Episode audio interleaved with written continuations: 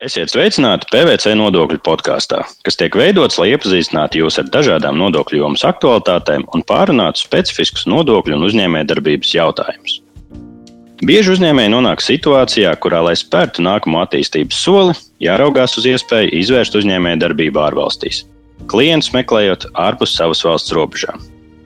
Tādējādi tiek veicināta globālā konkurence un palielināta preču un pakalpojumu pieejamība. Biznesu ārvalstīs var uzsākt veicot to pilnībā no Latvijas, nosūtot savus esošos darbiniekus darbam ārvalstīs, kā arī atverot jaunu pārstāvniecību ārvalstīs un nodarbinot vietējo darba spēku. Katram no uzņēmumiem būs sava stratēģija, kas laika gaitā var mainīties. Šodien uzsākam divu podkāstu epizodu sēriju par specifisku tēmu saistībā ar nodarbinātību, uzsākot biznesu ārvalstīs. PVC ir profesionālo biznesa pakalpojumu sniedzējs, kas piedāvā plašu pakalpojumu klāstu dažādās biznesam aktuālās jomās.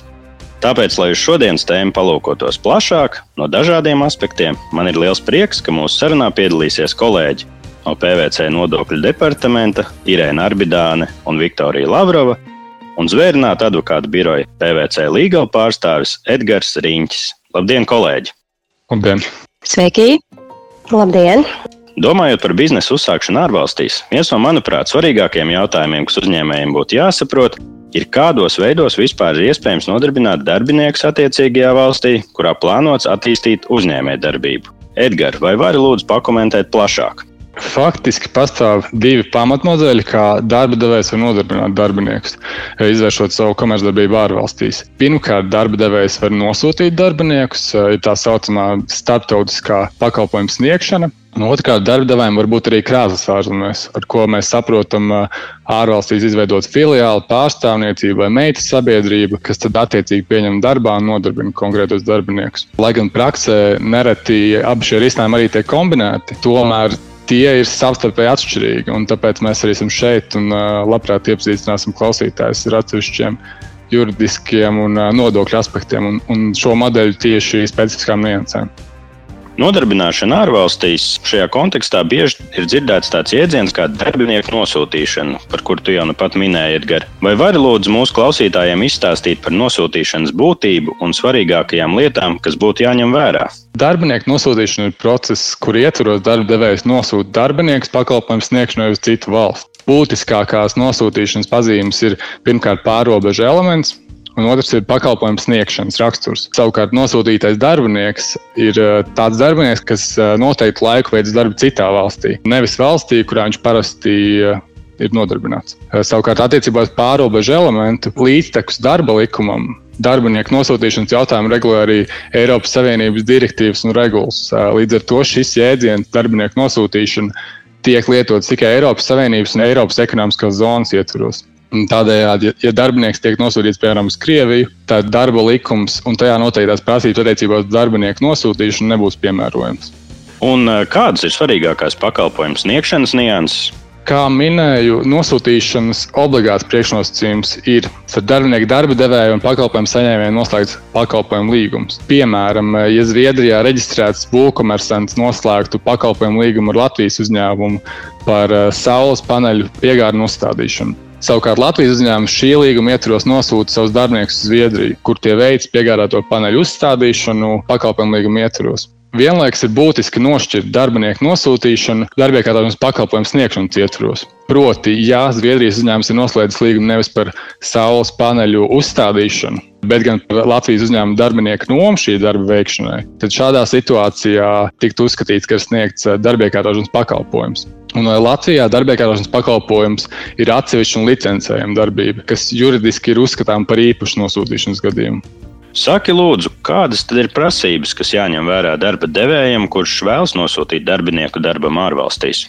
Jā, papildus iepriekš minētajām pamatpazīmēm ir svarīgi ievērot arī virkni citu formālu nosacījumus. Pirmkārt, darbinieku nosūtīšanas gadījumā ir attiecināmi tie nodarbinātības nosacījumi atbilstoši tās valsts normatīviem aktiem, uz kuru darbinieks ir nosūtīts. Un tas attiecas eh, gan uz darba samaksu, gan, piemēram, uz eh, darba un atpūtas laiku, un, un arī uz darba aizsardzības prasībām. Tas nozīmē, ka, ja Latvijas uzņēmums nosūta darbinieku uz Zviedriju, būs piemēram neviena Zviedrijas minimālā alga, bet arī citi nosacījumi, piemēram, virsmas likmes atpūtas laika nosacījumi, kas ir noteikti Zviedrijas normatīvos aktos, kā arī koplīgumos. Otrakārt, darba devējiem ir noteikts paziņošanas pienākums. Nosūtot darbiniekus uz jebkuru Eiropas Savienības dalību valsti, darba devējiem ir pienākums paziņot attiecīgās valsts kompetentai iestādēji par šo nosūtīto darbinieku. Kur un kā darba devējs var noskaidrot, kāda informācija ir paziņojama attiecīgajā valstī? Tas parasti ir attiecīgās valsts iestādes, eh, kas uzrauga darba tiesību ievērošanu mājaslapās. Un tur ir ievietota informācija par, prasību, par prasībām, kas jāievēro nosūtot darbiniekus konkrēto dalību valsti. Protams, vienmēr var vērsties arī pie mums, un eh, mēs sadarbībā ar mūsu PVC tīklu kolēģiem attiecīgajā valstī, labprāt eh, palīdzēsim nokārtot eh, nepieciešamās formalitātes. PVC līgo kolēģi Vācijā ik gadu apkopo šīs paziņošanas prasības katrā dalību valstī. Līdz ar to mūsu rīcībā ir diezgan visaptvaroša informācija par eh, šīm prasībām, kas ir jāpaziņo attiecīgajā valstī. Mums ir arī attiecīgi konkrētās valsts speciālistu kontakti. Pirms pāriem pie nodokļu aspektiem, kas būtu jāņem vērā saistībā ar nodarbinātību, uzsākot biznesu ārvalstīs, Vai ir vēl kas būtisks, ko tu vēlēsies, Edgars, piebilst, un kas būtu jāņem vērā nosūtot darbinieku darbam ārvalstīs? Būtiski ņemt vērā, ka paziņojumā, kas iesniedzams Latvijā, ir jānorāda arī informācija par A1 certifikātu saņemšanu. Tādēļ jābūt gataviem, ka šāda prasība būs arī ārvalstīs. Praksē mēs esam saskārušies ar situāciju, kur Somijā A1 certifikātu saņemšana bija obligāts priekšnosacījums, lai šajā valstī vispār varētu nodarbināt Latvijas darbinieku. Protams, ir svarīgi arī nodokļu aspekti, bet eh, par tiem droši vien eh, labāk zināt pastāstīt kolēģis Irēna un Viktorija. Jā, paldies, Edgars. Šajā brīdī pārējām pie nodokļiem un konkrētāk pie personāla nodokļiem, kas uzņēmumam būtu jāmaksā par šiem darbiniekiem. Šeit vēl ir būtiska nianse, ka darbinieks veids darba pienākumus citā jurisdikcijā. Jautājums kolēģiem no nodokļu departamenta. Kā tad šajā gadījumā šie personāla nodokļi ir jāmaksā veicot darbu ārvalstīs? Galvenais pamatprincips, kāds tiek piemērots attiecībā uz personāla nodokļiem, šajā gadījumā ar personāla nodokļiem saprotot gan iedzīvotāju ienākumu nodokli, gan valsts sociālās apdrošināšanas iemaksas vai līdzvērtīgas nodokļus attiecīgajā valstī, tad ir šāds, ka personāla nodokļus maksā tajā valstī, kur darbinieks faktiski veids darba pienākumus. Protams, visam ir arī izņēmumi. Un tie, piemēram, ir attiecībā uz īslaicīgu darba veikšanu, kā arī šiem izņēmumiem ir vēl citi izņēmumi, kas situācijas būtībā ar personāla nodokļu piemērošanu padara diezgan komplicētas. Lai noteiktu to, kur tad galu galā ir jāmaksā personāla nodokļi darba devējiem par nodarbināto darbinieku, arī nosūtīšanas gadījumā ir jāizskata ļoti daudz nianses un jāizvērtē gan starptautiskie normatīvie akti, gan arī tās konkrētās valstis, kuriem darbinieks tiek nosūtīts normatīvie akti. Irēna, tu minēji, ka galvenais pamatprincips personāla nodokļu piemērošanā ir vieta, kur tiek veikts darbs. Saki, lūdzu, vai ir vēl kādi kriteriji, pēc kuriem tiek vērtēts, kurā valstī būs pienākums samaksāt šos nodokļus? Mēs domājam par to, kur un kā ir jāmaksā personāla nodokļi.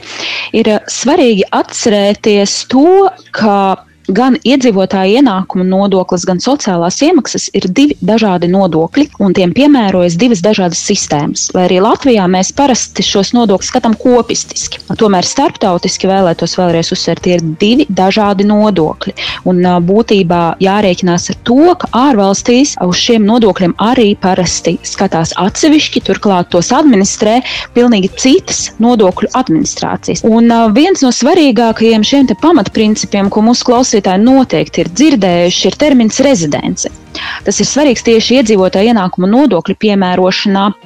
Un ir pats svarīgākais kritērijs. Nodokļu rezidents var būt ļoti mainīga, un tieši tas ir izaicinājums noteikt pareizi, kur un kad šis darbinieks tiek uzskatīts par nodokļu rezidentu. Jo pat ja šis darbinieks gada sākumā ir rezidents vienā valstī, tad eh, būtu nav izslēgta iespēja, ka gada beigās viņš būs rezidents pavisam citā jurisdikcijā. Kā tad Latvijas normatīvo aktu tvērumā nosaka personas nodokļu rezidenci? Es gribētu teikt, ka Latvijas normatīvie akti paredz diezgan vienkāršus kritērijus, lai noteiktu nodokļu rezidenci. Tātad, attiecīgi, pirmais no šiem kritērijiem ir deklarētās dzīves vietas kritērijs, un otrs ir uzturēšanās ilgums Latvijā. Tātad, ja personai ir deklarēta dzīvesvieta Latvijā, vai tā uzturas Latvijā vairāk kā 183 dienas, jebkurā 12 mēnešu periodā, šī persona visdrīzāk tika uzskatīta par nodokļu rezidentu Latvijā. Šie kritēriji pēc būtības ir samērā līdzīgi arī citās valstīs. Tomēr tie var būt arī daudz komplicētāki un daudz niansētāki, piemēram, kā tas ir Lielbritānijā. Taču vēl ļoti būtiski ienu piemērošanas kontekstā ir noteikti nosūtīt to darbinieku saņemtā atalgojuma veidu. Atalgojuma veids būs svarīgs, lai izvērtētu, vai tā ir darba alga, ko saņem persona, vai tas jau būs direktora atalgojums. Jo personam, kas ir valdē vai padomē, iedzīvotāja ienākuma nodokļu piemērošana būs atšķirīga. Un kā trešais kritērijs būs jāmin personas uzturēšanās ilgums konkrētajā valstī. Irēna, par šo trešo kritēriju, kas ir uzturēšanās ilgums konkrētajā valstī, vai tas nozīmē, ka nošķir iedzīvotāju ienākumu nodokļu piemērošana, ja darbs ārvalstīs ir īslaicīgs vai ilglaicīgs? Jā, Tieši to tas būtībā arī nozīmē. Parasti, kad cilvēks dodas veikt savu darbu pienākumus citā valstī, ar kuru Latvija ir noslēgta konvencija par dubulto nodokļu neuzlikšanu, IN ārvalstīs nepiemēros, ja cilvēku uzturēšanās otrā valstī nav ilgāka par 183 dienām, kas ir aptuveni pusgads. Pirmkārt, cilvēks parasti saglabā savu nodokļu rezidenci šajā periodā, arī Latvijā turpmāk. Un otrkārt, tas ir arī vispār pieņemts standarts, līdz kura sasniegšanai iedzīvotāja ienākuma nodokļa maksāšanas pienākums nosūtītam darbiniekam saglabājas tā rezidences valstī. Šajā konkrētajā piemērā tā būtu Latvija. Ja tā ir cita valsts, ar kuru Latvijai nav šīs konvencijas par dubulto nodokļu neuzlikšanu, tad um, šīs 183 dienu kritērijas var būt neaktuāls.